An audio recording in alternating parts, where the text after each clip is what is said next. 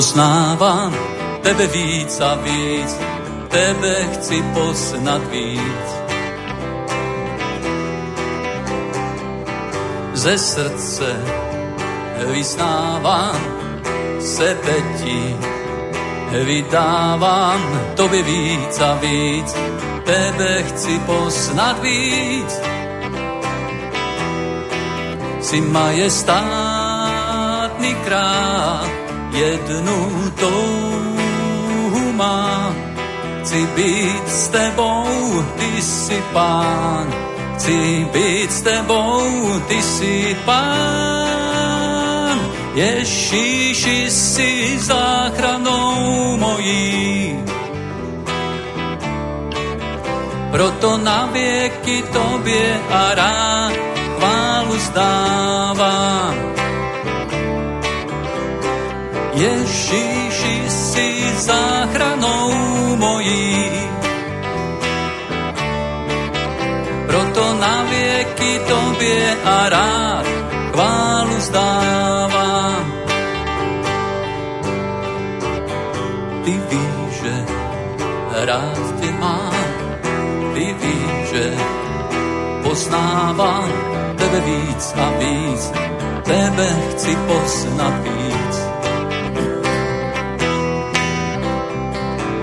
Ze srdce vyznávám sebe ti, vydávám tobě víc a víc, tebe chci poznat víc. Si majestátny král, jednu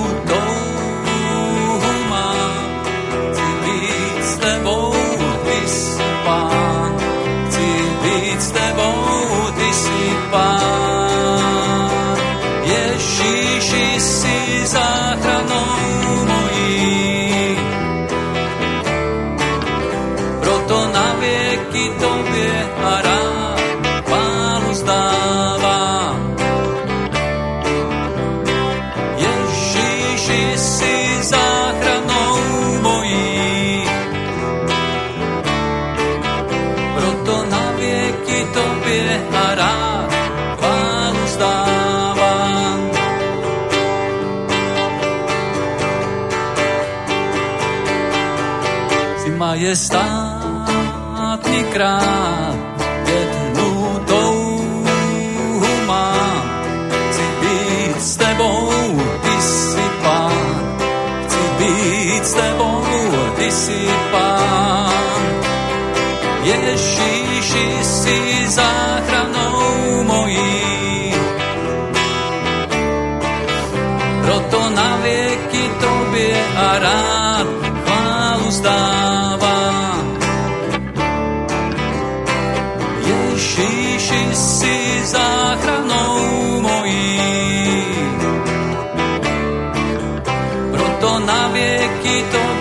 a rád chválu zdávám.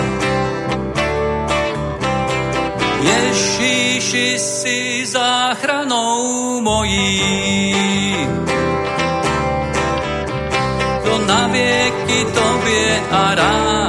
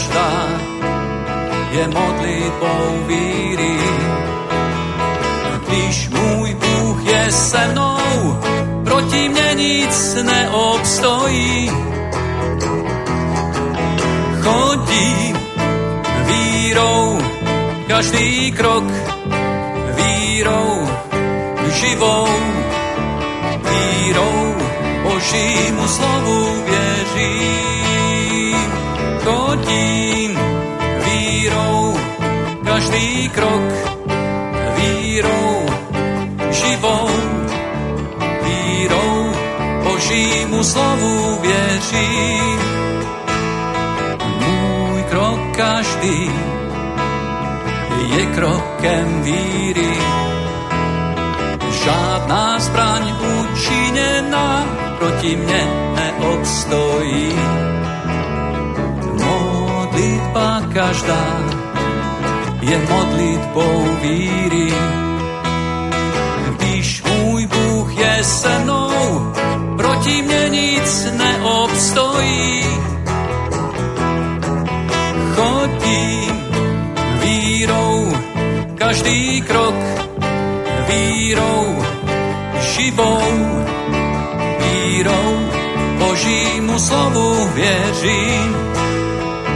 Chodím vírou, každý krok vírou živou, vírou Božímu slovu věřím. Chodím vírou, každý krok vírou Boží, vírou každému slovu věřím. Chodím každý krok vírou živou, vírou Božímu slovu věřím.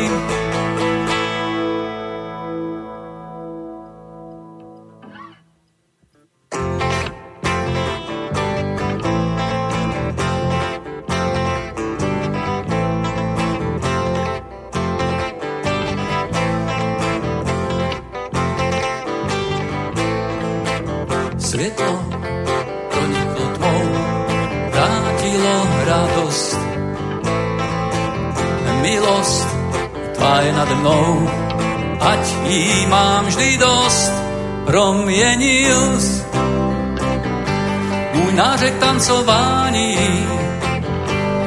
promienil smutek šťastný smí, promienil môj nářek tancování, promienil smutek šťastný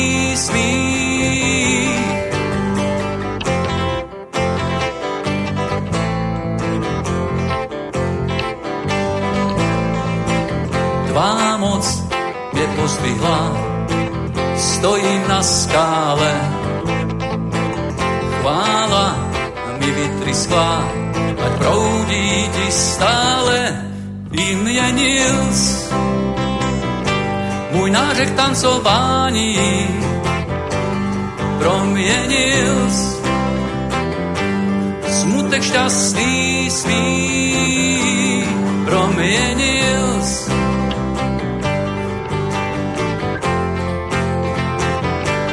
promienil smutek šťastný smích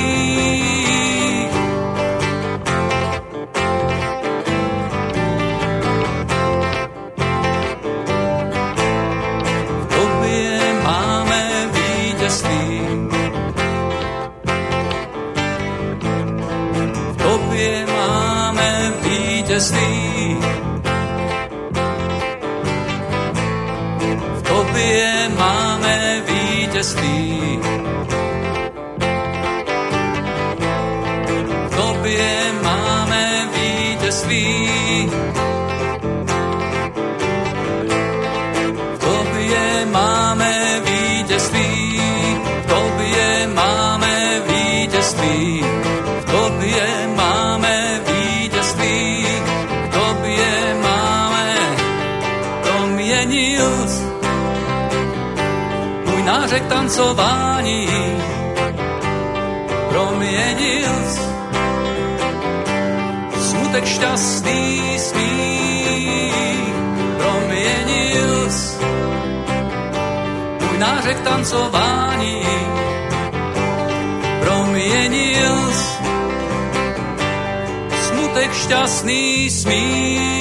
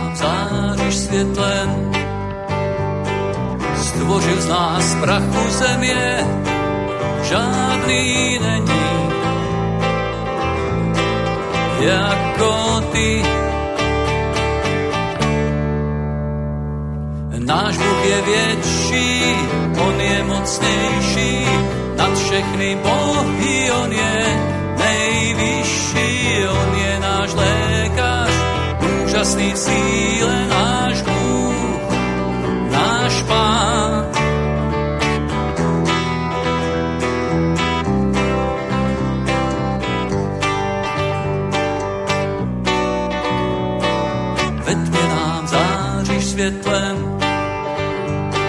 Stvořil z nás prachu země, žádný není. Jako ty. Náš Bůh je větší, On je mocnější, nad všechny bohy On je nejvyšší, On je náš lékař, úžasný v síle náš.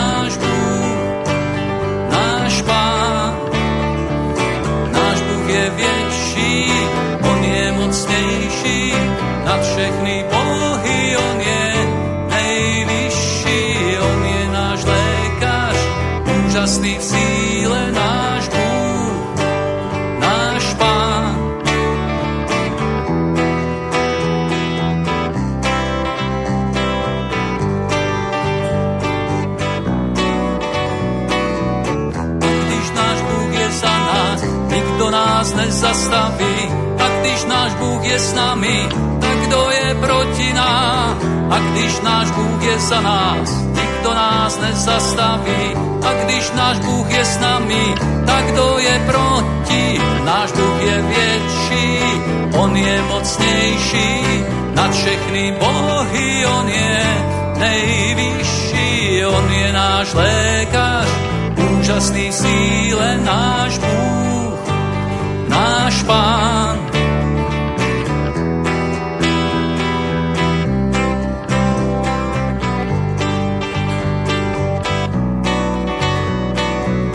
A když náš Bůh je za nás, nikto nás nezastaví. A když náš Bůh je s nami, tak kto je proti nám? A když náš Bůh je za nás, tak tým nás nezastaví. A když náš Bůh je s nami, tak kto je proti nám?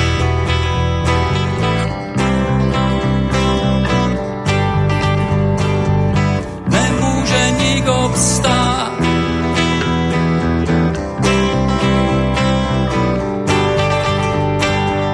Nemůže nikdo vstát.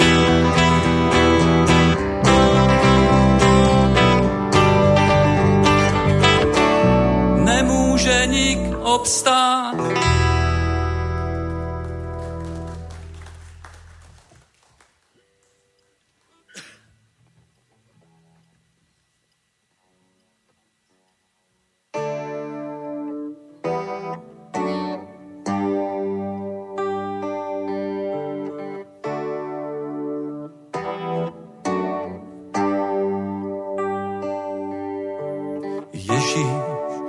Centrem stvoření.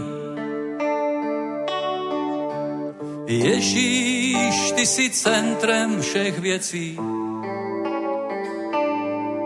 Od počátku na věky navždy zůstává a vždy byl jenom Ježíš. Ježíš. Ježíš, ty si centrem stvoření. Ježíš, ty si centrem všech věcí. Od počátku na věky navždy zůstává a vždy byl jenom Ježíš. Ježíš, nic není podstatné, čem tento svět zálibu hledá. Ježíši, ty si centrem, jen všechno tobě smysl dává.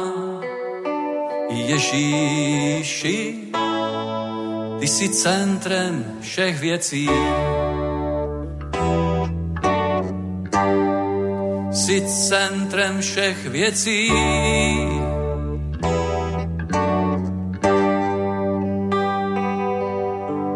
Ježíš je centrem mého bytí. Ježíš je centrem mého bytí. Od počátku na věky navždy zůstává vždy byl jenom Ježíš. Ježíš, nic není podstatné,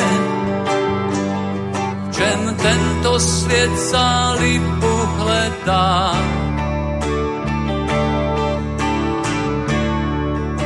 Ježíši, ty si centrem, jen v tobě všechno smysl dává.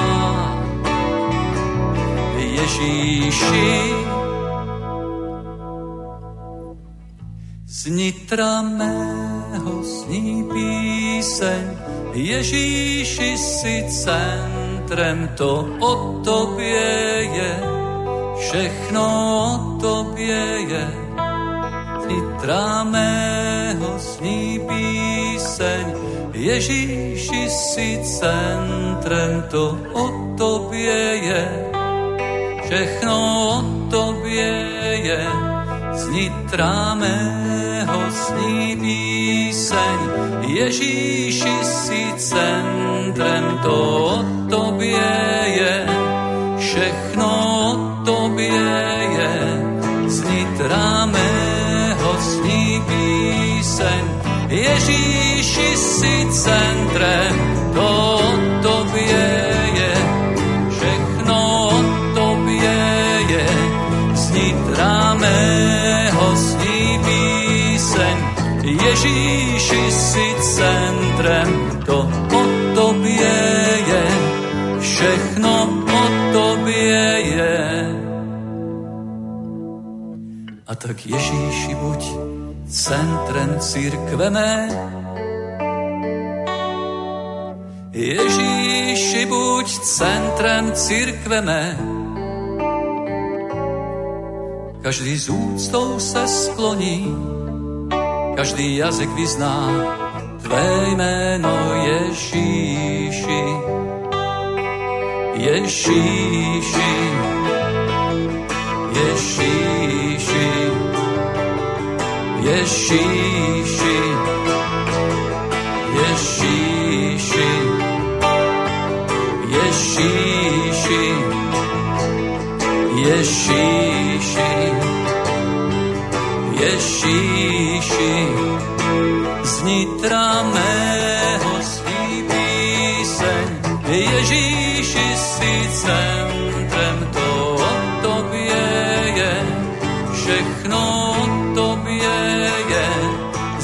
tráme hostí píseň, Ježíši si centrem, to o tobie je, všechno o tobie je.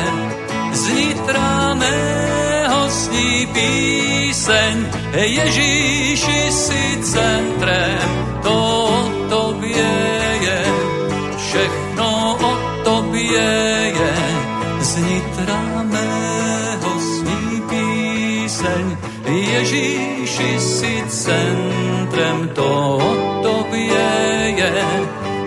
všechno o tobě je, to o tobě je, všechno o tobě je, to o tobě je, všechno o tobě je.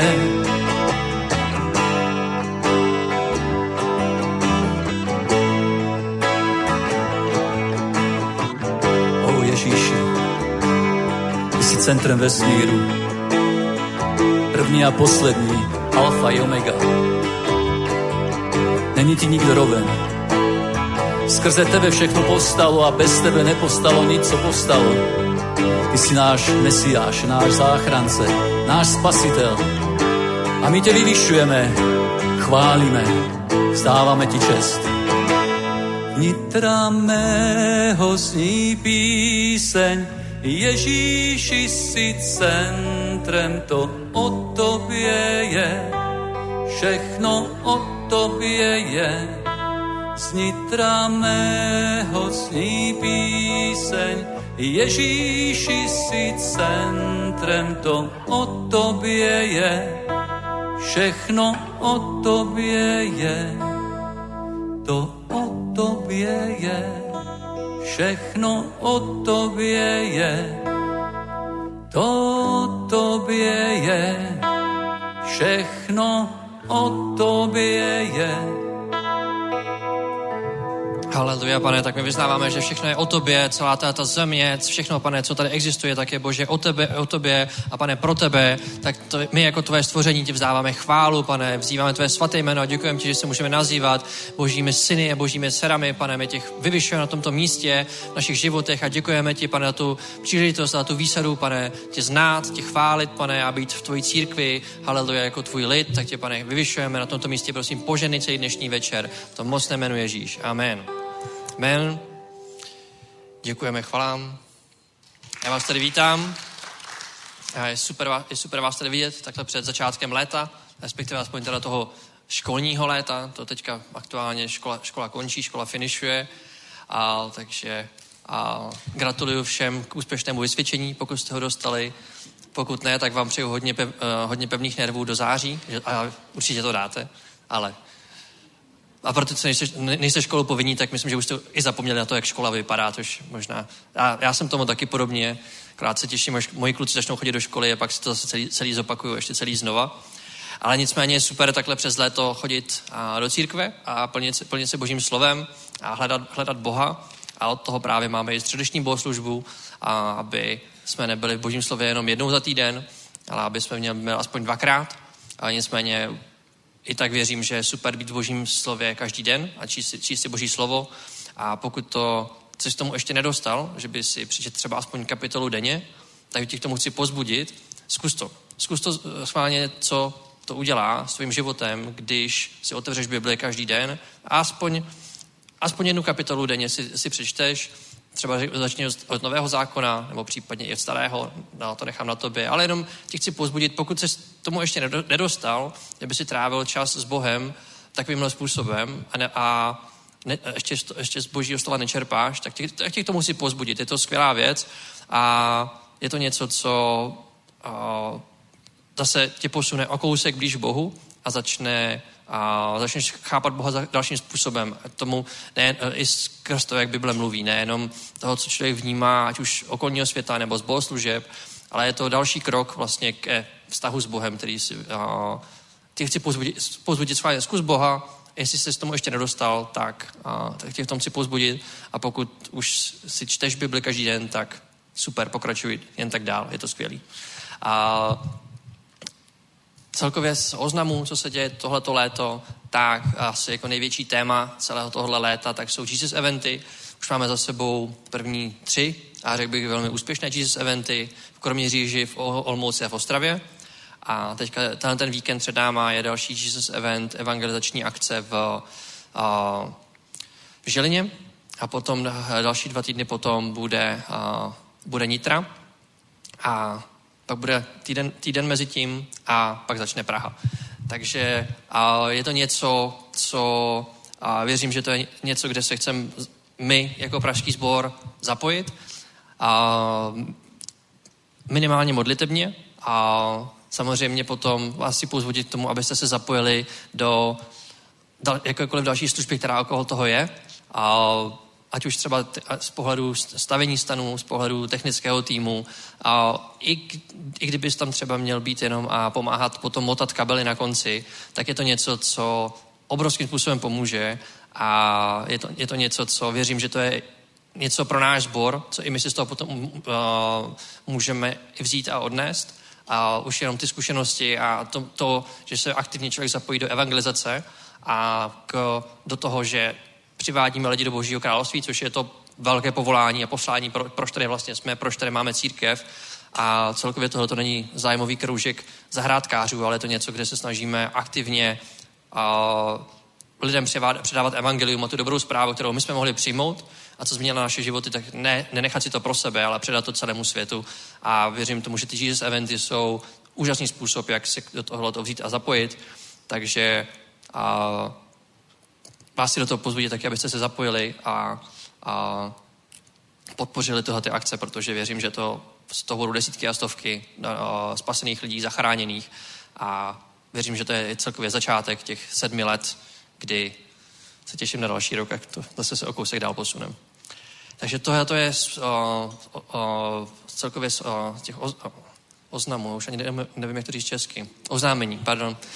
To si člověk tak tu, tak tu slovenštinu naučí, až potom, no to je jedno. A samozřejmě dál pokračujeme s borovým životem a v, v sobotu je bohoslužba a jak jsme na to s mládeží? V pátek je grilovačka, to zní úplně skvěle, to je super. Kdo byste chtěl na grilovačku, tak můžete za Benem. To je super. A, takže celý, ten, celý to, lé, to, to léto není, že bychom jeli jakoby celý sbor na dovolenou a nějak, nějak to, ale pak i přes, přes léto aktivně pokračujeme a, a fungujeme jako, jako sbor, což je super. A teď bych se chtěl ještě přesunout k pozbu, biblickému pozbuzení a chtěl bych začít a, s Matouše 6. kapitoly. A, chci tam přečíst 33. verš. A je to takový verš, který je pro mě asi jedním z nejoblíbenějších veršů, co celkově Bibli jsou, protože já to vnímám jako takový univerzální návod na život. A v Matoušovi 6.33 je napsané, hledejte však nejprve Boží království a jeho spravedlnost a to všechno vám bude přidáno. A ten kontext toho verše je, že tam Bůh ukazuje na veškeré věci života, co jsou, ať už když člověk řeší věci, co si oblíknu, nebo co budu dělat, jak budu fungovat, jak budu třeba tohleto a tohleto řešit, tak tam Bůh ukazuje na to, že, že on to má pod kontrolou. A co, má, co máme dělat jako první věc, jako tu prioritu číslo jedna, tak je hledat Boží království. A to, což znamená, že se modlím k Bohu, hledám to, co on pro mě o tom, co on pro mě má připravené. A věřím v tom, že stojím v tom plánu, který Bůh pro člověka má, protože Bůh má plán pro každého jednoho člověka a a postupně nám ho ukazuje, což mimochodem je úplně skvělý způsob, protože si myslím, že většině z nás, kdyby nám ukázal zbytek plánu pro náš život, tak, tak si myslím, že by, to bylo, že by to bylo zajímavé. Ty všechny ty velké věci, do toho člověk bude vstupovat, dostat, dostat to všechno naraz, tak by asi bylo poměrně poměrně zajímavé, takže naopak je vidět, že Bůh stvořil člověka a že ví přesně, jak s člověkem pracovat a že ten plán mu postupně ukazuje a ukazuje, jak, jak, se, jak se posouvat a je i v Bibli napsané na jiném místě, že Bůh nedá člověku zkoušku nad schopností člověka, takže Bůh člověka nepřepne přes to víc, než co by, co by člověk zvládnul. A když se opřeme o ten verš a budeme hledat Boží království, každý den svého života, nejenom v sobotu a, nebo, v, nebo v neděli a zbytek, zbytek týdne to tak jako necháme být, ale pokud na tomhle tom postaví svůj život, tak věřím, že se Bůh k tomu přizná a ty všechny ostatní věci, co člověk řeší, a, tak se o ně Bůh postará. Chci se posunout do dalšího verše a to je vlastně kousek předtím, Matoušovi 6, 24. A je takový víc už potom zaměřený, pohled, uh, zaměřený verš na pohled uh, okolo financí. A tam je napsané, nikdo nemůže být otrokem dvou pánů. Buď bude totiž jednoho nenávidět a druhého milovat, nebo se k jednomu upne a druhým pohrdne. Nemůžete sloužit Bohu i mamonu. Tohle je poměrně, řekl bych, jako tvrdý, takový jako černobílý verš, ale znovu je to něco podobného, jako to jsem mluvil v tom první verši a je to o prioritách. Co je ta priorita číslo jedna v mém životě? Je to honba za penězmi a za mamonem? A nebo je to něco, jestli já hledám Boží království a všechno ostatní mi k tomu bude, bude přidané, jak to zaslibuje Bible. A samozřejmě v dnešní době člověk bez financí nepřežije. A, nebo respektive přežije, ale asi ne úplně dobrým způsobem. Takže je to něco, co člověk potřebuje do života, aby obecně fungoval, aby měl co jíst, aby měl co pít, aby měl kde bydlet. A, takže to je něco, čemu se nevyhneme. Takže Bible tady ani jako neříká, a zavři se do kláštera a ne, neber, žádný, neber žádné peníze, i když i jsou někteří lidé, kteří si tu Bibli tak, takovým způsobem vys, uh, vyložili, ale to je asi trochu na jiné téma.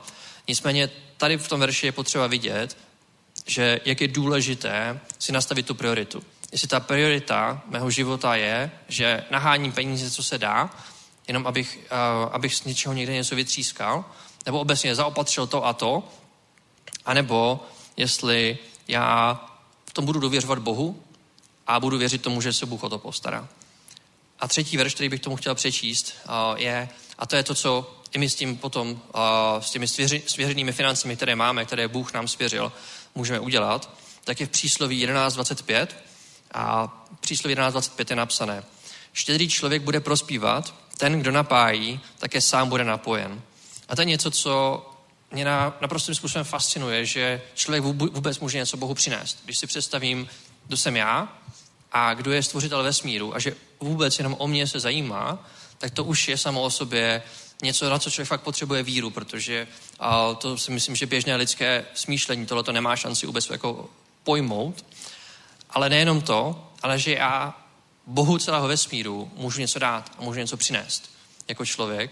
A i, i potom tady napsané, že to, když já jsem schopný něco Bohu dát a něco přinést, tak je napsané, že štědrý člověk bude prospívat. A ten, kdo napájí, také sám bude napojen. To znamená, když já jsem štědrý, tak v tom je přímá úměra toho, že znova Bůh se o mě postará. A je to i něco, jedna z věcí, jak já vnímám, že já hledám Boží království, když se ho snažím tady na této zemi podpořit a dále rozšiřovat. Takže to je takové pozbuzení, kterým, kterým jsem chtěl tak na začátek začít, takže já vás poprosím, abyste se postavili a připravili si svůj dar, pokud ho máte. Samozřejmě není to nutná věc, není to něco, co by bylo tady nějaké vstupné nebo něco takového. Je to něco, co pokud chceš dobrovolně dát, tak my budeme rádi a použijeme to pro, jak nejle, pro šíření Božího království, jak nejlépe budeme vědět, ale necít se vůbec povinně, že to je něco, co musíš. Pokud se necítíš k tomu nebo nechceš, zůstaň tam, kde jsi a buď, pože, buď požehnaný. Aleluja, pane, já tě chválím, já vyšlu tvé svaté jméno, já ti děkuji, že se staráš o člověka, že se staráš o každého jednoho, kdo na tebe zavolá a kdo tebe vidí jako nebe, nebeského Otce a toho velitele toho Božího království a že ty se o nás postaráš, pane, když my se na tebe zaměříme a řekneme, ty jsi naše priorita číslo jedna, odevzdáme ti naše životy a tak ty nám přidáš všechno, co do našich životů potřebujeme. Tě to děkujeme, chválíme tě a tě tvoje jméno vyvýšené ve jménu Ježíš. Amen. Děkuji za, každé, za dary za každého jednoho člověka, který byl tím štědrým dárcem a s ochotným srdcem, pane, dál na tvoje království. Pane, tě prosím, abyste požehnal. Haleluja. Tě tvoje království rozšířené na této zemi ve jménu Ježíš. Amen. Amen. A teď už s velkou radostí přivítám našeho hosta, Luboša Rašmana. Amen, amen, haleluja. Tak, som rád, že som s vami. Však ja som tu doma. v Pradskom zbore som doma. Haleluja. Haleluja, som rád, že som tu. Aj keď sme mali prekážku na ceste, preto sme prišli trošku neskôr, lebo diabol robí všetko, čo môže, ale nemá šancu. nemá šancu znervoznil ma, lebo bola kolona, videl som, koľko je hodín a už e, ma znervoznil, tak som sa začal v autobuse modliť, aby mi dal pán pokoj a aby mi dal slovo na dnes. A ja som nechcel hovoriť o uzdravení, ale mal som úplne niečo iné pripravené. Ale keď som sa modlil, tak mi pán povedal, že ja ti budem dávať slovo a bude to o uzdravení zase, lebo keď to tak chce, tak to tak budem robiť, lebo musíme pána počúvať. Amen. Lebo pán nás má rád a, a e, ten diabol mi stále pre, dáva prekážky do cesty. Ja vám poviem jednu príhodu, ktorú som nedávno zažil. Chodím sa modliť za ľudí a keďže auto mám dlhodobo v servise, tak chodím autobusom, tramvají a rôznymi dopravnými prostriedkami a niekedy aj peši. A minule som, minule som e, zameškal autobus do jednej vesnice, do romskej vesnice, kde som išiel kázať evanelium, tak som išiel asi 5 kilometrov peši a, a ten, ten, ten diabol si myslel, že, že ma znervózne, ale bola to úplná pohoda.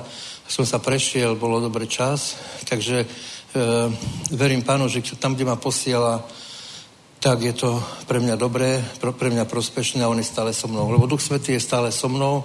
Uh, za uh, necelý týždeň mám ísť do uh, romskej vesnice mimo Liberec na dva dní, tak uh, sa modlím za to, že čo pán odo mňa tam bude chcieť a aby to bolo všetko úspešné a nikdy nejdem sám, lebo Duch Svetý je so mnou. Je dôležité byť stále s pánom a pevne verím, že keď ma on tam posiela, tak je to pre mňa dôležité a dôležité je pre tých ľudí, ktorí sú tam.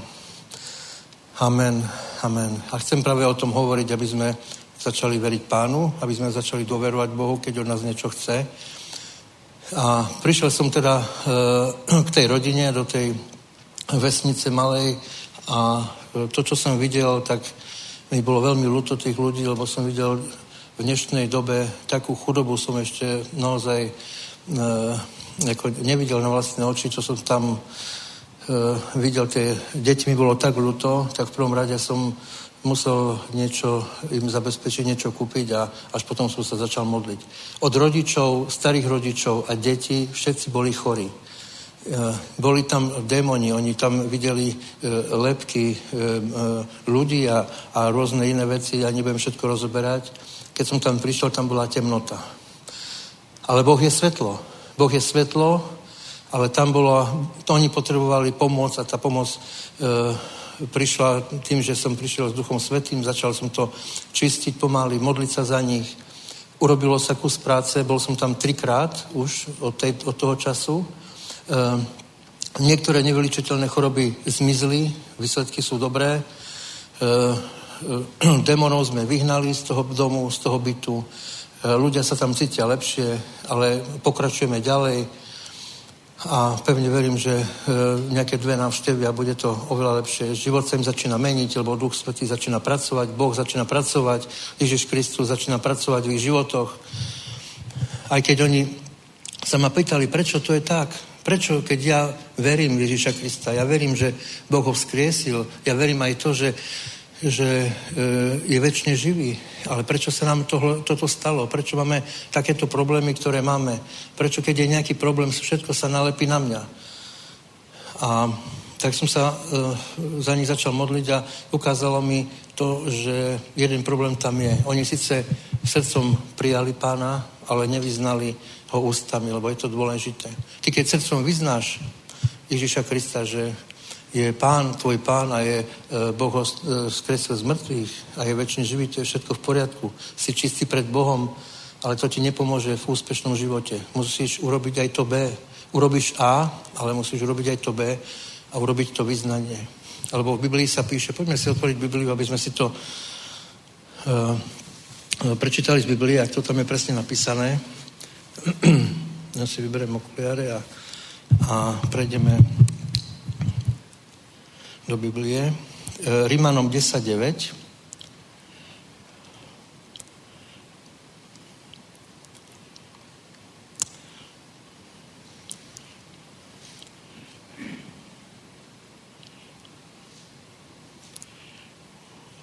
Rímanom 10.9.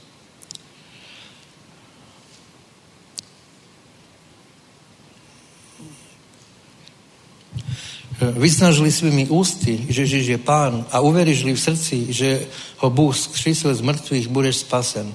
Víra v srdci vede k spravedlivosti, vyznání ústy pak vede k spáse. Čiže tu máme hneď aj odpoveď v desiatom verši. Víra v srdci vede k spravodlivosti. Ty, keď ho vyznáš, si síce spravodlivý u pána, si u neho spravodlivý, ale nestačí to na to, aby si bol v živote aj úspešný. Musíš urobiť aj to B, čo pán od nás chce a to je to vyznanie. Vyznanie ústy pak vede k spáse. Vždyť písmo říká, kdokoliv v nej věří, se jistě nezaklame mezi Židem a Řekem, tedy není žádný rozdíl. Všichni mají téhož pána, štědrého ke všem a tak dále, a tak dále. Čiže my musíme ho vyznať ústy. Nestačí si to len myslieť, alebo nestačí si to len nejak šepkať, ale musíš to vyznať. Aby, aby všetko to, čo potrebuješ, sa naplnilo, musíme rozprávať. Kresťania musia nahlas rozprávať. Ty, keď sa ho, rozprávaš s pánom, musíš hovoriť nahlas. Nestačí len pána volať potichu, alebo si myslieť, uh, že ho privolávaš, lebo pán potrebuje s tebou rozprávať, lebo nič nedokážeš tým, že ty budeš myslieť. Nič sa nebude meniť v tvojom živote. Nič sa nebude meniť uh, v tom živote, keď ty si budeš len uh, šepkať, alebo musíš to vyznavať na hlas. Preto aj v Biblii sa píše, vyznavajte na hlas. Čím, čím hlasnejšie budeš na, na pána volať, tým je to pre teba lepšie, lebo pán ťa bude e, počúvať, pán bude konať v tvojom živote a, e, a všetko, čo potrebuješ, bude naplňať. Je veľmi dôležité aj to Božie slovo, keď som tam prišiel do tej rodiny, je, teraz ešte e, poviem jeden príklad ohľadom tej rodiny, keď už som začal, tak som im povedal, aby, aby pozorne čítali Božie slovo. Lebo slovo, keď, keď ho číta nahlas, to slovo, a príjmeš ho ušami, príjmeš ho do srdca, to slovo má veľkú moc. Slovo má uzdravujúcu moc. Najdi si v Biblii články o uzdravení, čítaj si ich, ale pozorne ich vnímaj ušami a nech ti to prechádza do srdca, lebo má to uzdravujúcu silu. By ste neverili, že slovo má veľkú uzdravujúcu silu. To, čo dokáže e, slovo urobiť e, v, člo- v živote človeka. Prejdeme na e, ďalší e, e, písmo Židom 13.5. Ja si to hneď otvorím. Židom 13.5.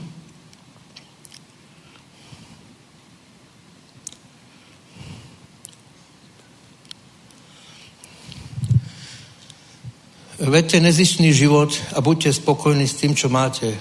Vždyť on řekl, nikdy tě neopustím a nikdy tě nezanechám. Takže budeš vyznať s, dôvierou. E, v inom preklade že budeš e, volať na pána alebo vyznávať pána s dôverou. Čiže v Biblii sa píše, že pán ťa nikdy neopustí. Pán je stále s tebou. Či je to dobré alebo zlé, on je stále s tebou. Tak e, preto aj ja, keď pán odo mňa niečo chce, tak tam idem, lebo ja mu verím a dôverujem mu, že urobí pre mňa to najlepšie, čo ja potrebujem pre svoj život. Pozrite sa, v Biblii, v starom zákone sa píše o o, e, o tom, ako Mojžiš e, dôveroval Bohu, keď ho poslal Mojžiša e, Boh za faraónom. Aby, aby šiel za faraónom, aby faraón prepustil Židov. Určite ten, poznáte Bibliu, čítate, tak viete, o, o ktorý príbeh tam ide. Ale čo mohol faraón s Mojžišom urobiť? Čak on ho mohol zabiť. To bola trúfalosť ísť za faraónom. To bola trúfalosť ísť za ním, aby pustil Židov. On riskoval svoj život, Mojžiš. Ale prečo tam išiel? Lebo veril Bohu. Veril mu, že keď je Boh s ním, tak sa mu nemôže nič stať. On mu veril. A ja tiež verím Bohu, že keď ma posiela niekde e, do neznama, alebo ja pôjdem do neznama, do, do nejakej vesnice, kde nikoho nepoznám a budem tam dva dní s nimi a budem sa za nich modliť, ale verím Bohu, že keď to je jeho vola, tak sa mi nič nemôže stať, lebo Boh je so mnou. Naučme sa veriť pánu, naučme sa mu veriť, že keď je Boh s tebou, nič sa ti nemôže stať, lebo on má pre teba pripravenú cestu. A keď si s pánom, tak pán má pre teba cestu. Jakú cestu? Keď si, keď si v Božej prítomnosti, tak on ťa vedie. On ti hovorí, kde máš ísť, čo máš robiť, ako to máš robiť. Vedie tvoj život. A keď Boh vedie tvoj život, tak vtedy budeš mať úspešný život, lebo pán vie, čo potrebuješ. Pán vie, čo ty chceš, ako máš túžbu, čo potrebuješ, všetko ti splní. Haleluja, haleluja. Ten t- podobný príklad je David. David E, bol, bol pastierom, ktorého Boh poslal e, proti Goliášovi. Goliáš mal výšku 3,5 metra a David bol menšieho vzrastu. E, Goliáš mal obrnenie, mal, mal meč, mal štít, ale David nemal nič. Oni mu síce niečo dali, ale on to zhodil zo seba dole, lebo to bolo veľmi ťažké a povedal, ja idem tak. Ja nepotrebujem. Zobral si jeden prak a čo robil potom?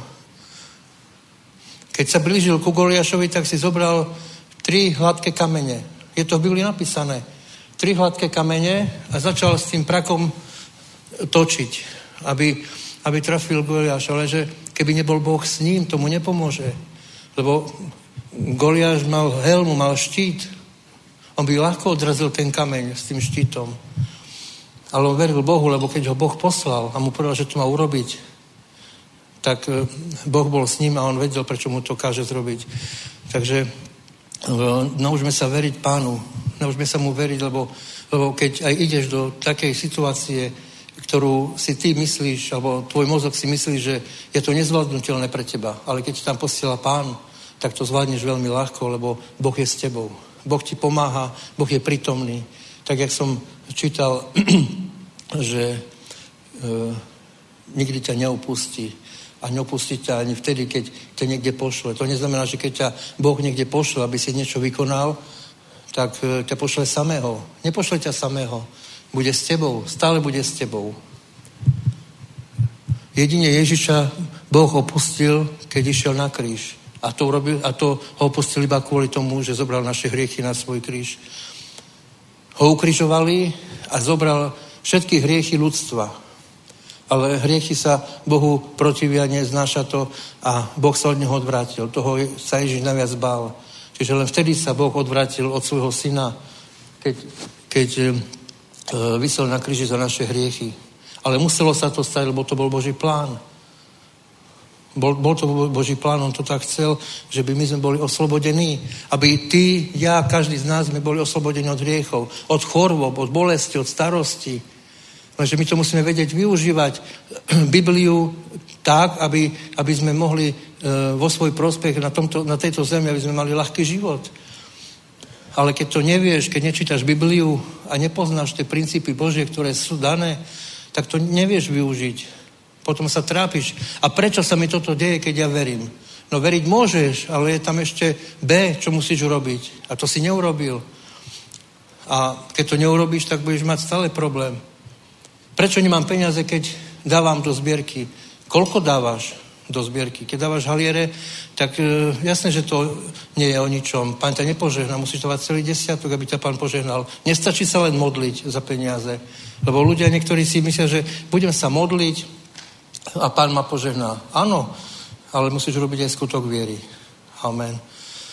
Lebo bez toho to, bez toho to nejde. Čiže e, to slovo Bože slovo má obrovskú moc a chcem vás pozbudiť, aby ste začali veriť Bohu. Keď, keď sa modlíte a máte s ním spoločenstvo a verím k tomu, že každý, kto tu je, má s Bohom spoločenstvo. A keď vás niekde pošle, alebo, alebo chcete niečo konať, chcete niečo pre pána robiť, tak tam, tak tam choďte. Ja som do začiatku nevedel, že to je od pána, lebo som to nevedel rozpoznať na, e, ako mladý kresťan. Ale teraz viem, že keď ma pán niekde posiela, tak e, modlím sa za to, aby to bolo v poriadku, ale verím mu. Idem tam a verím mu. Potom, ako, ako skončím e, v tej, v tej rómskej vesnici, ísť, som dostal pozvanie do Belgicka sa modliť za ľudí. Ale to tiež sa modlím za to, aby pán mi e, dal cestu, aby bol so mnou, aj keď sa modlím e, v Liberci za ľudí, alebo tu, ja potrebujem Ducha Svetu, aby bol so mnou stále. Lebo Duch Svetý robí tie zázraky. Keď sa otvoria nebeské preduchy, Duch Svetý robí zázraky. Preto je dobré uctievanie, aby, aby človek videl tie zázraky, ktoré Boh koná. Lebo keď je uctievanie, tak e, potrebujeme uctievať, aby sa otvorilo nebo, aby Duch Svetý bol prítomný. Za jeho prítomnosti sa dejú zázraky. Všetko je to jeho moc, jeho sila. A niekedy e, sám sa čudujem, akú má veľkú moc Boh, keď vidím ľudí, ktorí boli ťažko chorí a prídu za mnou, že boli uzdravení. Je to, je to obrovská Božia moc. Obrovská Božia moc, keď Boh takto koná. Aj nedávno sme mali jedno uzdravenie v Liberci, myslím, že na Facebooku je, na Facebooku je svedectvo, môžete si to vypočuť. Je to, je to super, keď, keď, e, keď ľudia sami vidia na, na sebe Boží zázrak.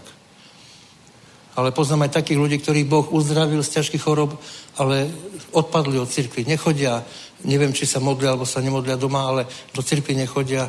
Takže ľudia sú rôzni, ale ťa chcem povzbudiť, aby si neopúšťal Boha, aby si neopustil cirkev, aby si chodil, lebo v cirkvi je prítomný Duch Svetý. A je potrebné, aby si sa aj doma modlil, aby si neopúšťal pána, aby si bol stále s ním v jeho prítomnosti. Jeho prítomnosť je dôležitá pre každého kresťana. Jeho prítomnosť je dôležitá preto, aby si mal tú správnu cestu.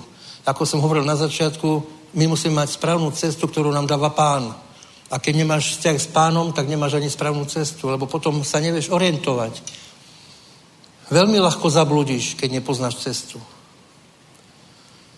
Keď sa pozrieš na slnko, nevidíš tieň. Boh je slnko a stále sa pozeraj za tým slnkom, stále sa pozeraj za Bohom, ktorý je, ktorý je svetlo. Potom nebudeš vidieť tieň. Tieň, myslím, e, démonov, starosti, bolesti a choroby. Lebo Boh je s tebou. Boh ťa bude ochraňovať. Každý človek, ktorý je s pánom, tak má určitú takú e, ochranu, takú auru okolo seba. Keď máš E, vzťah s pánom dlhšiu dobu a intenzívny vzťah, tak máš, zasahuješ väčšie okolie, väčšie okolie a tí ľudia, ktorí prichádzajú do tvojej prítomnosti, tak sú šťastní, veselí, radujú sa a pýta sa prečo, lebo si s pánom a to je cítiť Božia prítomnosť z tvojej osoby. Z tvojej osoby je cítiť Božia láska. Preto tí ľudia sa radi potom budú s tebou stretávať, chodiť za tebou. A keď budeš na nich klas ruky, tak sa bude diať veľký zázrak, lebo Boh je s tebou. Vytvor si tú ávru kolo seba, tú lásku, Božiu lásku, keď aj budete chodiť evangelizovať a budeš stále s pánom. Ver tomu, že keď si s Bohom, nikto ťa neodmietne, že by ťa nechcel počúvať. Lebo bude cítiť od teba Kristovú lásku. Bude cítiť od teba Kristov charakter. A je to veľmi dôležité. Poďme do druhého listu Korinským 5.17. Druhý list Korinským 5.17. Kto je v Kristu, je nové stvorenie, staré pominulo.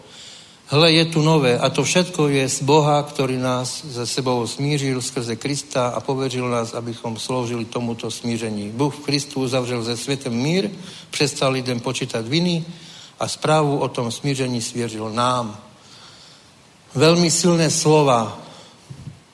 Kto je v Kristu, je nové stvoření, staré pominulo. Preto je dôležité si kontrolovať jazyk. Poprvé, Boh je stále s tebou. Či si v dobrom, alebo si v zlom, alebo máš problémy, Boh ťa nikdy neopustí. A nikdy ťa nesklame. A, a po druhé, e, keď si nové stvorenie, tak to musíš prehlasovať aby si e, dosiahol to, čo potrebuješ. Som nové stvorenie v Kristu. Som zabezpečený, pán sa mňa postará, všetko bude mať podľa Kristovej vole. Všetko ti pán dá. To, čo potrebuješ, on ti dá. Len to musíš prehlasovať, musíš to povedať. Keď máš nejaký problém, tak uh, nájdi si verš z Biblii a prehlasuj to. Keď máš nemoc, tak povedz, som uzdravený Kristovými ranami. Lebo to funguje. Keď to funguje mne, funguje to tisíckam ľudí, tak to bude fungovať aj tebe. A, a tu píše ďalej, ktorý nás ze sebou smížil skrze Krista, poveril nás, abychom slúžili tomuto smížení.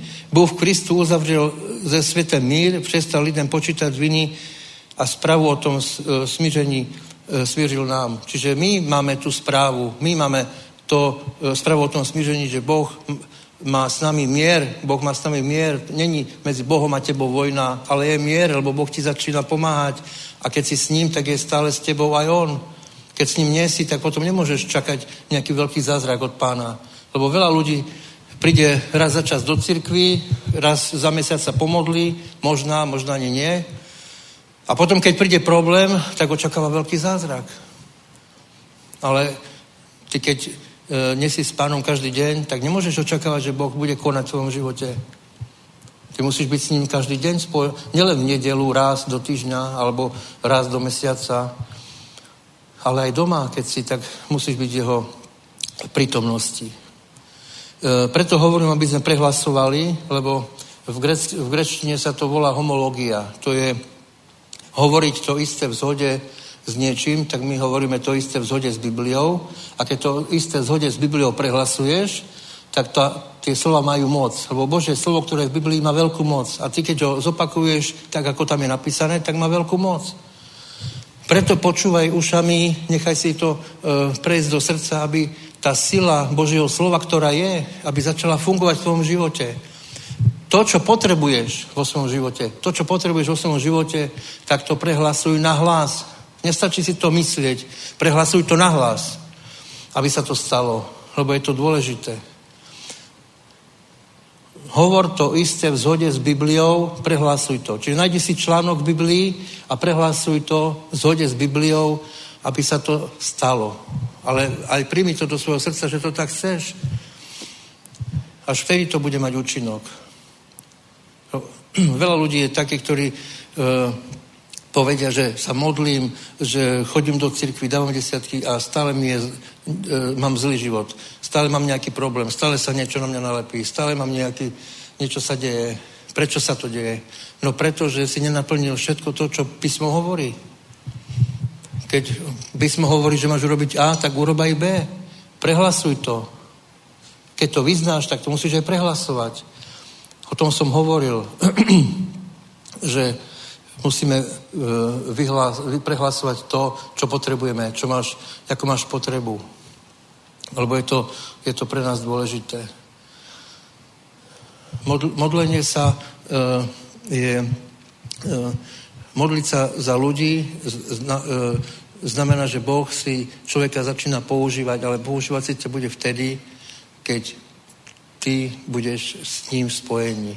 Ty ho, keď ho budeš volať na Ducha Svetého, na Ježiša budeš volať a budeš s ním spojení a vtedy, keď začneš klásť ruky na nemocných, tak budú tie zázraky. Lebo bez, bez Ducha Svetého to skrátka nejde. Preto keď e, sa budeme aj teraz modliť, e, kto má problém, tak je potrebné, aby sa uctievalo, aby, aby boli otvorené nebeské prieduchy, aby tu bol Duch Svetý, a potom budeme vidieť veľké zázraky. Ja verím, že dnes budeme vidieť zázraky, lebo Duch Svetý tu je a ešte keď budeme uctievať, tak bude väčšia sila, vo väčšej sile. Je dôležité, eh, aby ľudia zažili na sebe ten zázrak. Je pekné, keď je to na videu, keď je to na YouTube, že niekto prežil zázrak, ale, ale keď ty prežiješ na sebe zázrak, keď ty prežiješ vo svojom živote nejaký zázrak, tak je to oveľa viac, ako keď to vidíš na YouTube. Lebo tá viera rastie. Tým, že ty prežiješ zázrak, tvoja viera rastie. A tým, že tvoja viera rastie, tak, tak ty rastieš aj duchovne. A keď rastieš duchovne, tak sa ti zväčšuje tá avra, o ktorej som hovoril, tá e, e, ochranná avra, ktorá je s tebou. A, Bože, a tá Božia prítomnosť, ktorá je s tebou. A preto ľudia budú šťastní, keď budú pri tebe, keď budú, keď budú môcť e, byť s tebou. Je to veľmi, je to veľmi dôležité, aby sme uh, Ducha Svetého mali stále pri sebe, aj keď niečo ideme robiť, aj keď uh, čokoľvek uh, máš na pláne, tak modli sa za to, aby Pán bol s tebou, aby Pán ťa neopustil, lebo nám zaslúbil, že nikdy ťa neopustím. A nikdy ťa nenechám. Čiže máme to zasľúbené. Lenže je, jedna vec je, čo je napísané, a druhá vec je to, čo vyznávame. Čiže e, dobrý kresťan by mal vedieť si kontrolovať jazyk a, a vedieť vyznávať, vedieť vyznávať, ale nahlas vyznávať, nepotichy. Nahlas vyznávať. Je to, je to dôležité. Lebo e, v Žalme 23 sa píše po zelených pastvinách. Poďme si ho prečítať už, keď e, takto, poďme si ho prečítať. Žalm 23.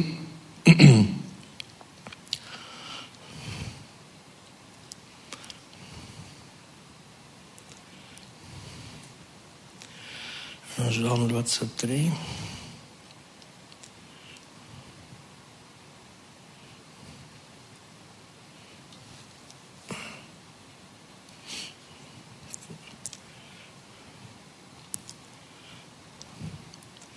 Hospodin je môj pastýš, nic mi neschází. Na zelených loukách mi dáva spočinout, ke klidným vodám mě přivádí, mou duši obnovuje, po stezkách spravodlivosti vodí mě pro jeho meno a tak ďalej. Čiže tu čítame, že hospodin je môj pastýš, po zelených loukách ma vodí. Čiže e, nechaj sa, nech ťa Boh vodí, nech je Boh tvoj pastier, nech ťa On vedie tvojim životom, jak som hovoril, tu, na tú tvoju cestu, lebo každý človek má svoju cestu. Nemá každý rovnakú cestu. Nemôže byť každý lekár, nemôže byť každý advokát, nemôže byť e, každý, e, každý máme svoju cestu. A ty máš svoju cestu od pána Danu, ale ty ju musíš nájsť. A ty ju nájdeš vtedy, keď budeš s pánom v jeho prítomnosti. A pán ti ukáže tvoju cestu. Lebo je to, je to pre teba dôležité, aby človek bol úspešný v, e, v tom, čo robí. Aby bol úspešný v práci, aby bol úspešný v živote. Ale budeš úspešný vtedy, keď budeš s pánom. Nie keď si budeš robiť to, čo ty chceš. Alebo e, naplňať svoje ego. Ale naplň e, Božiu túžbu, naplň Bože slovo, čo on, pán od teba chce. Po stezkách spravodlivosti vodíme, projme, i kdybyš měl jít údolím stinu smrti, ničeho zlého se nebojím, nebo ty si se mnou. A to si stále poviem, keď uh, idem niekde, alebo mám z niečoho strach, tak si, to, uh, tak si na to spomeniem na tie verše z Biblie. Nebojím sa ničoho zlého, lebo ty si stále so mnou. Ja aj keď pôjdem niekde uh, do neznáma sa modliť za ľudí, alebo niekde ma pozvu, ľuďom, ktorých nepoznám, ktorých som nikdy nevidel, ale si poviem, keď to je tvoja vola, tak tam idem. Ale nebojím sa zlého, lebo ty si so mnou. Niekedy, keď som e, dostal nejaký dopis, tak som sa bál, čo v tom dopise môže byť. Teraz žiadne strachy už nemám, chvala Pánu Bohu, ale to chvala Bohu, lebo Boh, ma od toho oslobodil. Boh ma oslobodil od strachu. Haleluja. Čiže nechaj sa oslobodiť aj ty. Od závislosti, od strachu sa nechaj oslobodiť. A Pán ťa oslobodí. Lebo Pán ťa oslobodí od tých vecí, ktoré ty nechceš. Keď ty označíš cigarety alebo niečo, nejakú závislosť ako priateľa, tak od priateľov ťa Boh neoslobodí. Boh ťa oslobodí od nepriateľov. Ty musíš povedať Bohu, že toto to je môj nepriateľ a ja sa chcem toho zbaviť. Aby ti Boh pomohol sa toho zbaviť. Aby ti pomohol sa zbaviť závislosti. A uvidíš, ak zázračne ti prestanú aj tie cigarety chodiť. Alebo e, cigarety beriem ako príklad, ale môže to byť niečo iné. To je úplne jedno, jaká závislosť. To, čo sa chceš toho zbaviť, vydaj to pánu ako nepriateľa. A to, čo potrebuješ, tak sa za to modli, aby ti to pán dal. Keď máš túžbu nejakého daru, ktoré nám pán dáva, tak sa za to modli, aby ti to pán dal. A on ti to dá, ale musíš to, musíš to požiadať, musíš o to prosiť, musíš volať na pána, aby ti to dal. A to je jedna vec. A druhá vec, musíš to stále skúšať, modliť sa, keď chceš modliť za chorých, modliť sa za ľudí, aby, aby si získal, e, aby si vedel, že či už ten pán ti to dáva alebo nedá. Lebo ty, keď sa budeš len modliť a nebudeš sa modliť za ľudí, tak e, nemôžeš vedieť, či ten dar už máš alebo nemáš. A tým pádom môžeš čakať roky a roky. Modli sa za ľudí a uvidíš potom tie zázraky, ktoré sa budú diať. Lebo Vždy sa dejú zázraky, keď je Boh s tebou. Vždy sa dejú zázraky, keď je Duch Svety pri tebe. Haleluja. Niekedy sa dejú rýchle, niekedy, niekedy to ide pomalšie, ale e, modlím sa teraz za jedného pána na vozíku, e, 56-ročného, ktorý bol opuchnutý, nateklý, nielen nohy, aj ruky, všetko mal nateklé silné bolesti, nemohol vôbec chodiť, stále iba ležal.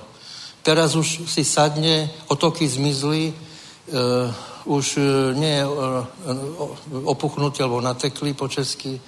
Začína sa to zlepšovať, ale nie vďaka liekom, ale vďaka Bohu sa to začína zlepšovať. Lebo bol som sa niekoľkokrát za ňo modliť a Boh koná. Boh koná v každom živote, v každom človeku. Aj keď to nejde niekedy rýchlo. Sú prípady, že e, Boh uzdraví človeka hneď, ale sú prípady, keď treba dlhšie sa modliť a pán začne, pán koná už pri prvej modlitbe, lenže to ešte nie je vidieť. A ja som mu povedal, aby e, e, bol veselý, aby veril tomu, aby sa modlil aj on doma, keď ja tam nie som, aby veril tomu, že Boh ho uzdraví. A ja tiež tomu verím, že on sa postaví a bude chodiť. Ja tomu verím. A keď sa to stane, tak to natočím na video, aby ste videli, že Boh ho uzdravil a na vozíku už bol 25 rokov, ale ja verím, že on sa postaví, keď tam budem chodiť a modliť sa za ňou stále. Už sme na polovici cesty. Lebo Boh koná veľké veci. Boh koná veľké veci a môže aj v tvojom živote konať veľké veci. Ale sa nesmieš zdať. Ja som počúval jednu kázeň Bennyho Hina, pastora, určite poznáte všetci, a on povedal, len vytrvalosť donáša výsledky. A to si vždy spomeniem, keď už mám niekedy nevládzem, alebo mám takú tendenciu, že už nepôjdem nikde, alebo nechce sa mi ísť, tak si na ňo spomeniem, len vytrvalosť prináša výsledky. Tak hneď sa začnem obliekať.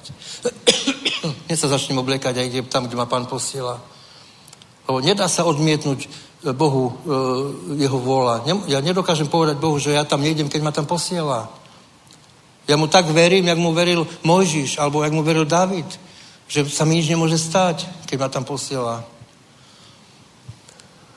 A uvidím, e, čo má všetko pre mňa pripravené, lebo e, Boh mi to nechce povedať, čo má pripravené. Ja neviem, čo ma čaká. Ja idem tam, kde ma posiela, to je všetko. On ma posiela, idem tam a vždy zažijem také veci, také zázraky, vidím, že, že som sám z toho úžasnutý a, a nadšený, čo sa to deje. Halleluja. Vďaka Bohu za to, že, že je s nami, že nás neopustil, že je stále pri nás. Lebo bez Neho by sme boli nič. Bez Pána sme úplne nič. Nemáme žiadnu šancu prežiť tento život. Bez Boha to skrátka nejde. Lenže je veľa ľudí, ktorí e, tomu neroz, nechápu alebo nechcú pochopiť, že, že s Bohom sa dá úplne žiť iný život a, a preto je dôležité, aby sme chodili evangelizovať a e, som rád, že e, prebieha teraz tá kampaň Jesus Event, lebo je to o tom, aby, aby ľudia poznali Krista, aby ľudia poznali Boha, aby vedeli, že dá sa žiť aj inač. Dá sa žiť aj bez drog, bez alkoholu, bez cigariet, bez smutku, bez starosti, bez plaču, bez zarmutku, bez chorôb. Dá sa tak žiť, ale musíš byť s pánom.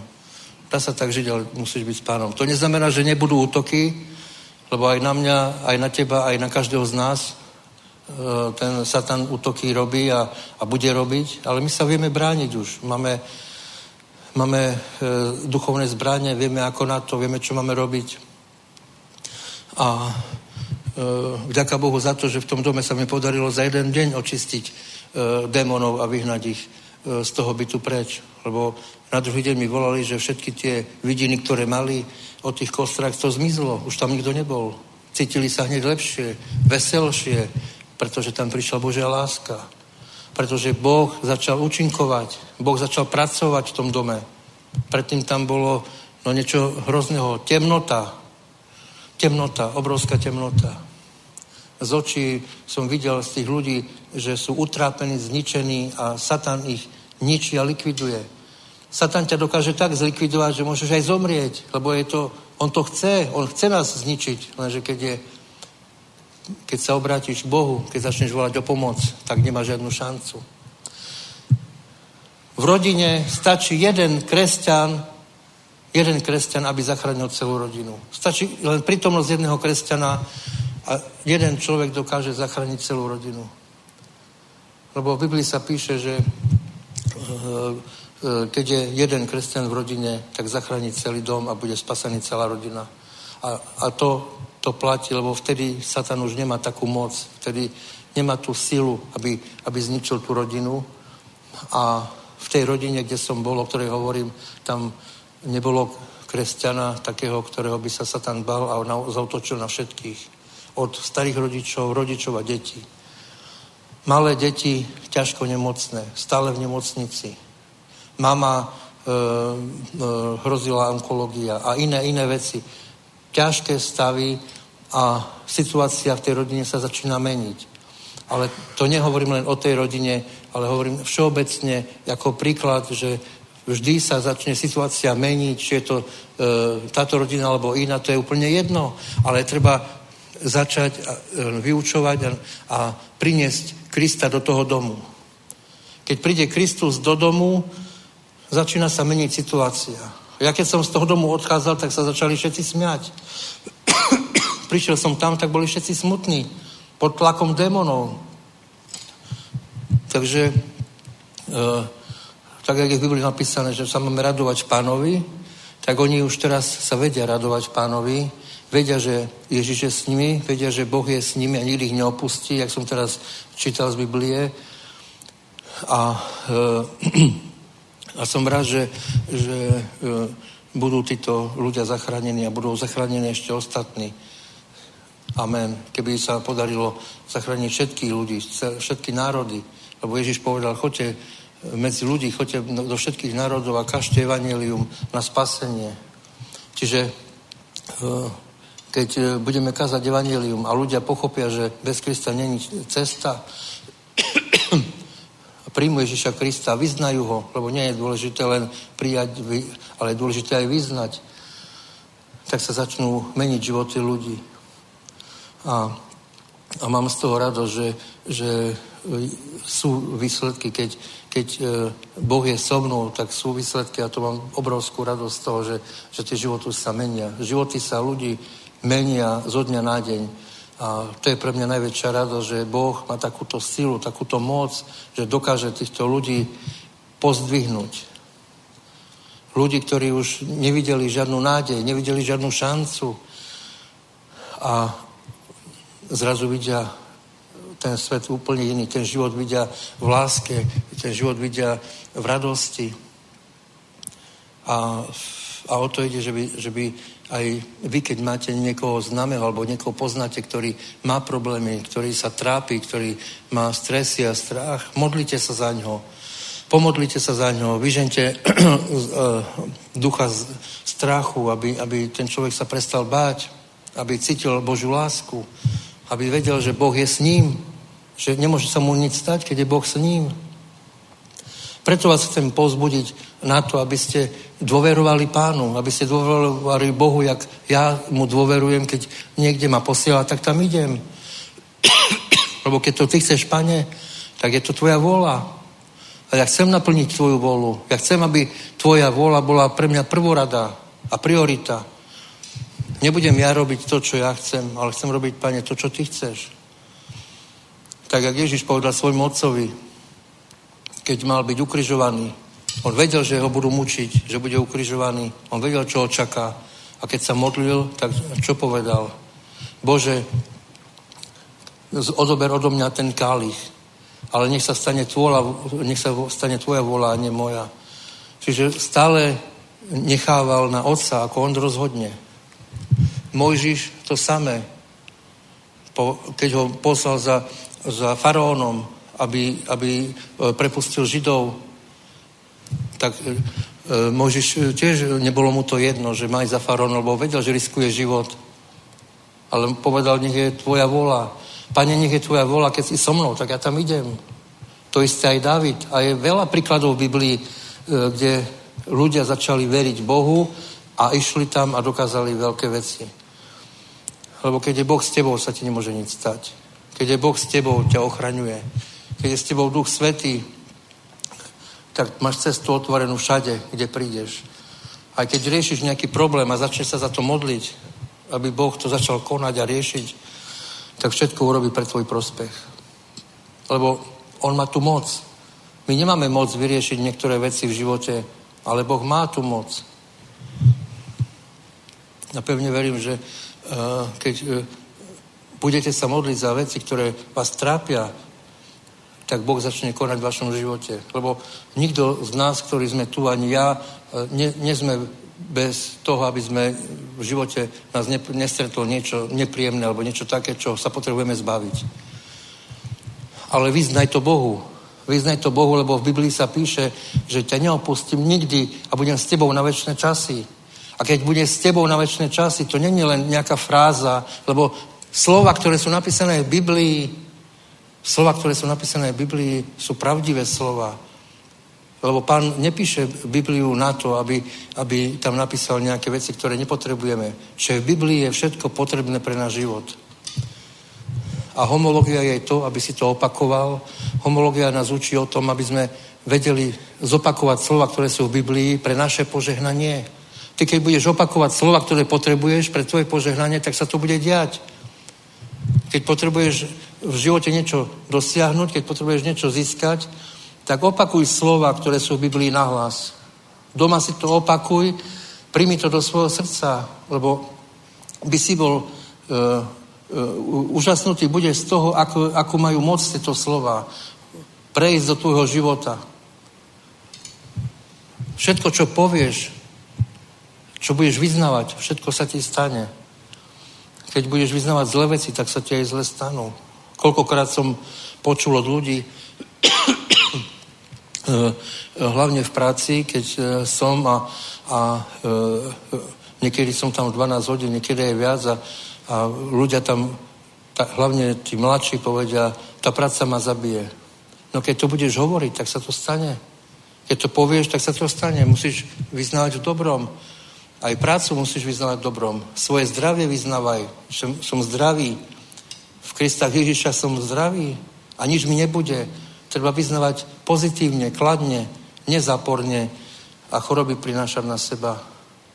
Ale E, nebola možnosť mu to vysvetliť. Lebo ja keď počujem takéto slova od niektorých ľudí, ktorí sú samozrejme neveriaci, tak ma to až zamrazí, keď e, počujem, čo o sebe hovoria, aké, aké kliatmy na seba volajú. Lebo ty, keď také niečo budeš hovoriť na seba, tak e, preklínaš sám seba. Kto by sa chcel sám seba preklínať? Ale tými slovami sa môžeš preklínať. A môžeš preklínať aj generácie dozadu ešte, svojich detí, Takže dávajte si pozor na ústa, lebo ústa a jazyk nie je len na lízanie zmrzliny, ale je to na prehlasovanie Božieho slova. Lebo ty, keď budeš prehlasovať Božie slovo, tak sa ti bude diať. Ako budeš rozprávať, tak sa ti bude diať. O tom je veľa kazní o slove. Ja som nechcel teraz hovoriť o tom slove, ale, ale nejak to k tomu prišlo, že je dôležité e, to prehlasovanie, keď sme o tom e, čítali v Biblii. E, kvôli tomu, že to, čo budeš rozprávať, tak sa ti bude diať. Lebo Boh stvoril slovom nebo a zem. Ale človeka stvoril tiež, s tým, tiež stvoril tak, že má slovo. Nie slovo stvoriteľské, ak má Boh, ale máš slove energiu. A tá slova, ktoré, slova, ktoré ty vyslovíš, má určitú energiu. A tá energia pôsobí pre tvoj život. Tak, jak niektorí ľudia preklínajú, lebo sa mu niečo nepáči, tak preklaje toho druhého, alebo tretieho, alebo štvrtého. Niektorí to tak robia. Lenže oni nevedia o tom, že to slovo má moc. A on poškodí nielen tú osobu, ktorú preklína, ale aj seba. Lebo to je energia, ktorú nám pán dáva. Ty keď niečo povieš, to, to sa stane. Preto treba ľuďom žehnať. Lebo v Biblii je napísané, kto žehna iným, sám posiluje svoju imunitu. Čiže Boh ťa bude ešte posilňovať. Ty keď budeš žehnať ostatným, ešte Boh ťa posilní. Ale keď budeš preklínať, tak je to od diabla. Diabol začne pracovať, lebo ty ho privoláváš. Zlými slovami pri, privolávaš démonov, ktorí sa potom v tebe usadia. A je to veľmi zlé aby sme nechali otvorené dvere. Lebo ty, keď necháš otvorené dvere a nemáš v sebe Ducha Svetého, tak prídu démoni a ťa obsadia. Tak, jak obsadili e, ľudí ostatných, za ktorých som sa modlil a musel, museli sme ich vyslobodiť e, skrze Ježiša Krista, aby Ježiš vyslobodil, lebo boli pod, pod démonmi. Ale niektorí si to robili sami.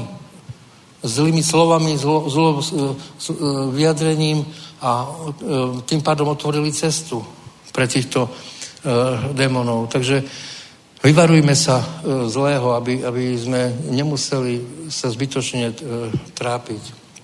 Lebo všetko to, čo urobíme chybu, za všetko sa potom draho zaplatí.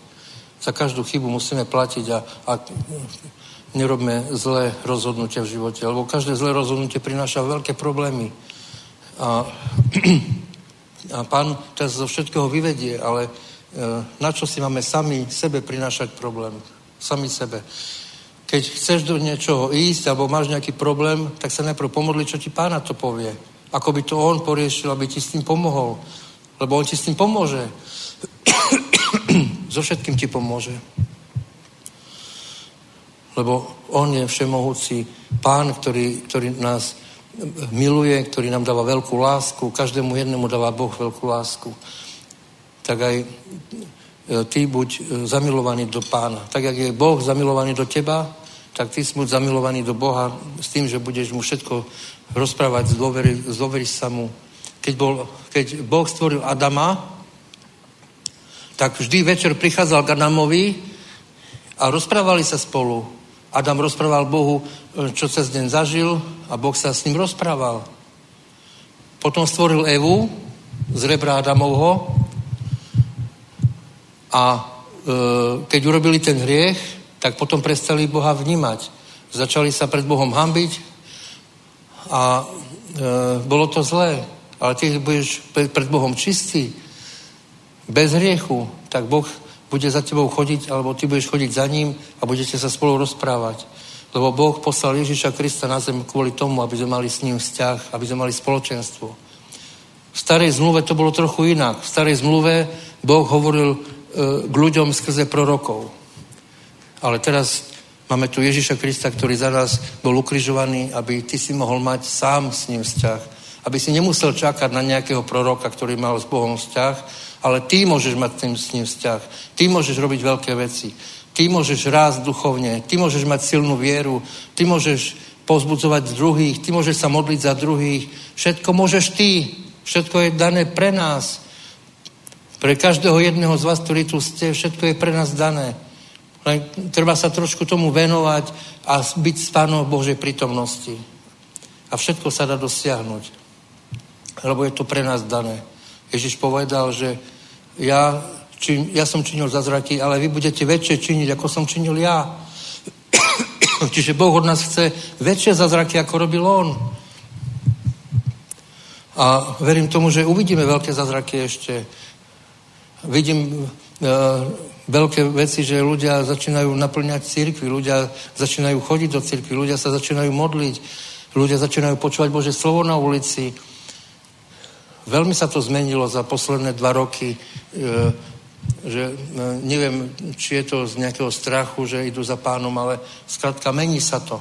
Ale v Biblii je napísané, že v čase môjho príchodu vyliem Ducha Svetého na ľudí a ľudia budú hľadať Boha, ľudia budú hľadať Čiže už sa to deje. Čiže my, my, dá sa povedať, že sme veľmi blízko Božieho príchodu, keď ľudia začínajú hľadať pána. Lebo je to napísané v Biblii, že ľudia začnú hľadať pána pred príchodom Ježiša Krista, aby neboli zanechaní.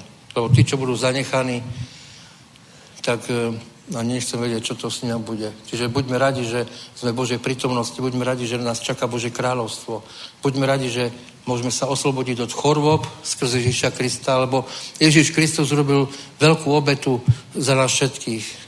On vlastne bol ukrižovaný aj za tých ľudí, ktorí sa ešte len narodia. Za každé jedno pokolenie bol ukrižovaný. Za každú jednu rasu, či je to biely, čierny. Úplne jedno. Za všetkých ľudí bol ukrižovaný. Za každého položil život, aby ty si sa mal dobre. Aby ty si mohol byť spasený, aby ty si mohol mať väčší život, aby ty si mohol byť s pánom, aby ty si poznal Bože kráľovstvo. To není e, nejaký vymysel alebo nejaká rozprávka. Je to fakt, že Ježiš Kristus bol ukrižovaný a je to fakt, že nás zachránil. Zachránil teba aj mňa a keď budeš čítať Bibliu, tak budeš vidieť, že čo všetko pre nás urobil. Čo všetko urobil pre nás, pre tvoje deti, aby sme nemuseli trpieť na tejto zemi, ale aby sme sa mohli venovať a hľadať Bože kráľovstvo. Lebo aj v Biblii sa píše, že kto hľadá Bože kráľovstvo, najprv hľadaj Bože kráľovstvo a to ostatné ti bude pridané. Čiže my máme hľadať Bože kráľovstvo a keď potrebuješ peniaze, zdravie a to ostatné ti Boh dá. Ale najprv hľadaj Bože kráľovstvo, najprv buď s pánom, buď jeho prítomnosti a to ostatné ti dá. Lebo Boh vie, čo ty potrebuješ, tomu nemusíš ani rozprávať, ale on to všetko vie. On má všetky vlasy na tvojej hlave spočítané. A všetky tvoje potreby vie ale treba byť v jeho prítomnosti a všetko sa ti naplní. Ale kto v jeho prítomnosti nie je, tak potom vidíme tie problémy, ktoré sú. Alebo eh, ľudia, ktorí nie sú s pánom, tak vidíte, čo sa vonku deje, čo, aké sú problémy, čo musia všetko, čo prežívajú, aký smútok, aké starosti, bolesti. A Boh dokáže oslobodiť človeka od všetkého smútku, od starosti, od všetkého, keď si v jeho prítomnosti. Amen. Chcel by som sa pomodliť, pane. Ďakujem ti, pane, za, za toto slovo, lebo ja verím, že to nebolo zo mňa, ale z teba, pane, že ty si mi dával slova do úst, pane. Ja ti za to ďakujem, pane, že, že takto konáš v našich životoch, pane. Ja sa modlím aj za ľudí, ktorí sú tu na bohoslužbe, Pane, aby si im požehnal, aby, aby si im dal ucítiť Tvoju lásku, Tvoj pokoj, Tvoju silu a moc, Pane, aby každý videl Tvoje zázraky, Pane, aby, aby si bol oslavený ešte viac, Pane. A ja Ti ďakujem za všetko, čo činíš, Pane. Ja Ti ďakujem za túto bohoslužbu, ja Ti ďakujem za slovo, Pane. Ja verím, že si budeš každého používať. Ja verím, že Ty budeš s nami, Pane, stále, Pane. Haleluja, haleluja. A ja lámem každú nemoc, ja lámem každú chorobu v mene Ježiš, ja lámem každú rakovinu, bolesti krížov, chrbtice. Pane, ja Ti ďakujem za to, že oslobodíš týchto ľudí od bolesti, starosti a chorob, Pane. V mene Ježiš, haleluja, haleluja. Lebo Ty máš tu moc, Pane, nech je oslavené Tvoje sveté meno, Pane. Ja vyvyšujem Tvoje meno, lebo každý sa skloní pred Tvojim menom na nebesiach, na zemi aj pod zemou, Pane. A každý vyzna, že Ty si Pán. Haleluja, haleluja, haleluja. Ďakujem Ti, Pane, za všetko, čo si učinil, Pane. Dnes večer ďakujem Ti za tých ľudí, Pane. Haleluja, haleluja. A ja verím, že s Tebou, Pane, ešte ľudia zažijú veľké veci, Pane. Veľké prebudenie v Čechách aj na Slovensku, Pane. Haleluja. Ďakujem ti za všetko. Ďakujem ti aj za tých chorých, ktorí boli uzdravení tvojou mocou, pane, že si konal veľké zázraky minulý týždeň a predtým, kde sme boli sa modliť za nemocných, pane. Ja ti ďakujem v tom mocnom mene Ježiš, pane. Aby si nás viedol ďalej životom, pane, každého jedného, ktorý je tu v sále, pane, veď životom, pane, ukáž mu cestu, ktorá je pre neho daná, pane, aby sa mu darilo v živote, aby mal dostatok všetkého, čo potrebuje, pane, aby mal zdravie, lásku, pokoj, dobrú rodinu, dobré deti, pane, lebo je to v tvojej moci a v tvojej sile. Halleluja. Halleluja lebo nie je mocnejšieho pána a kráľa na zemi, ako si ty, pane. Lebo ty si kráľov kráľa, pánov pán, ty si král kráľov, pane. Ja ti ďakujem za všetko, čo si urobil. Ja ti ďakujem za tvojho syna Ježiša Krista, ktorý bol ukrižovaný za nás, pane. Aby my sme mohli teraz tu byť, aby sme mohli tu e, byť z tvojej prítomnosti, pane. Lebo keď si odchádzal, tak si povedal, ja odchádzam tam, kde vy nemôžete, ale pošlem vám Ducha Svetého. Amen. Pošlem vám Ducha Svetého, ktorý bude s vami. A Duch Svetý je s nami, haleluja. Duch Svetý je s nami a pomáha nám každý deň. Haleluja, haleluja. Ďakujeme ti, Pane, ešte raz za všetko. Nech je oslavené Božie meno, haleluja. Haleluja, ďakujeme ti, mení Ježiš. Amen. Ja poprosím chváli, aby nám zahrali uctievaciu chválu a ja sa budem modliť za ľudí, kto má potrebu potom príďte dopredu, budeme sa modliť, aby ste, aby ste vy zažili ten zázrak Boží. Každý jeden. Nie, nie z videa, že niekomu sa to stalo, ale vy, aby ste to zažili na sebe. Lebo prežiť niečo na YouTube a vidieť niečo na YouTube je pekné, ale keď budeš vidieť zázrak vo svojom živote, je to ešte krajšie. A hlavne to pozbudí tvoju vieru, ťa posilní vo viere, vybuduje tvoju vieru lebo budeš vidieť, áno, Boh je mocný, urobil pre mňa to a to. Boh je mocný, dokáže všetko. Haleluja. Lebo pre Neho nie je nič nemožné. Pre Boha nie je nič nemožné. Haleluja. Čo potrebuješ, všetko dokáže urobiť, učiniť. Haleluja. Lebo Boh je mocný a je s nami, má nás rád, miluje ťa, je to láska. Haleluja. Si predstav, že Ježiš Kristus bol ukrižovaný za teba, ani ťa nepoznal, zobral, nechal sa ukrižovať, aby ty si sa mal dobre, ani ťa v živote nevidel, ani, ale ty ho môžeš vidieť, keď budeš z jeho prítomnosti, ty ho môžeš vidieť, e, keď e, budeme v Božom kráľovstve, alebo niektorí ho videli už teraz, ako svetlo. Ja keď som e, bol v nemocnici, tak som ho videl ako veľké svetlo, veľkú žiaru. Haleluja, haleluja. Takže vám môžem z istotou povedať, že Ježiš žije, je, je prítomný a vrátil ma späť do nemocnice, e, aby som mohol ešte pre pána niečo urobiť. Haleluja. Poďme uctievať pána.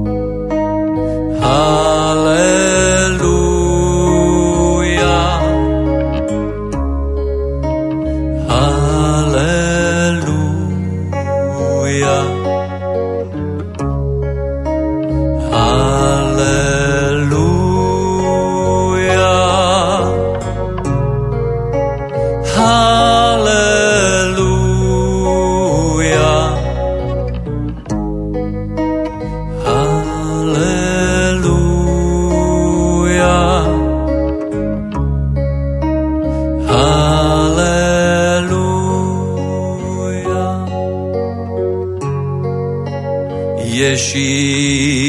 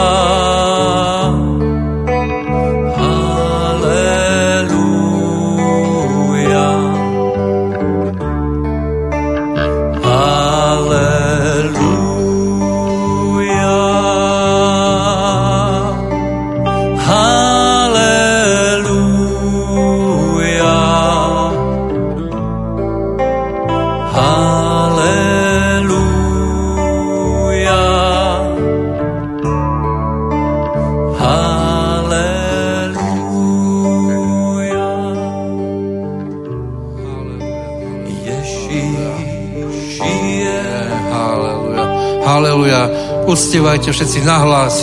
Haleluja. Nech sa otvorí nebel, nech sa otvoria príruchy, nech príde tu Duch Svetý, aby, aby sme videli zázraky dnes. Haleluja.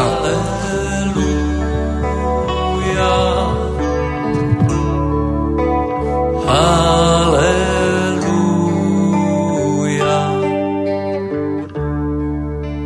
Ježíš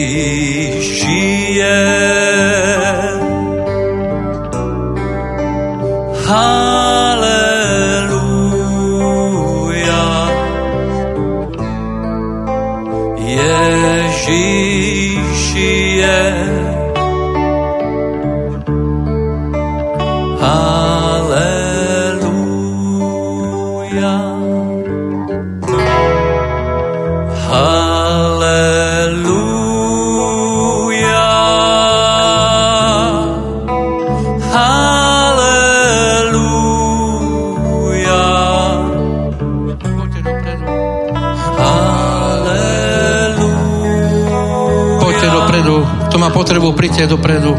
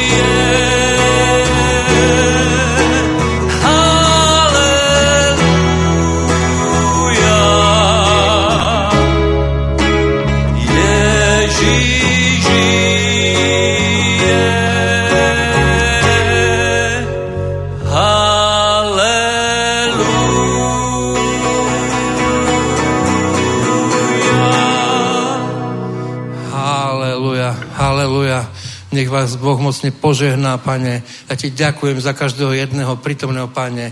A ti ďakujem za tvoju prítomnosť, že ty si bol s nami, že ty si nás neopustil, pane, že stále si s nami, pane, haleluja. A budeme vidieť za tvoje zázraky, ktoré si učinil dnes, pane. Ak to má problémy, bude oslobodený v mene Ježiš. Haleluja, haleluja. Ty nám dávaš silu, pane silu, Pane, Ty nám dávaš moc, Pane, ja Ti ďakujem za všetko, haleluja. Duchu Svety si prítomný, haleluja. Haleluja, haleluja, haleluja, haleluja, haleluja. Pane, ja Ti ďakujem za všetko, haleluja.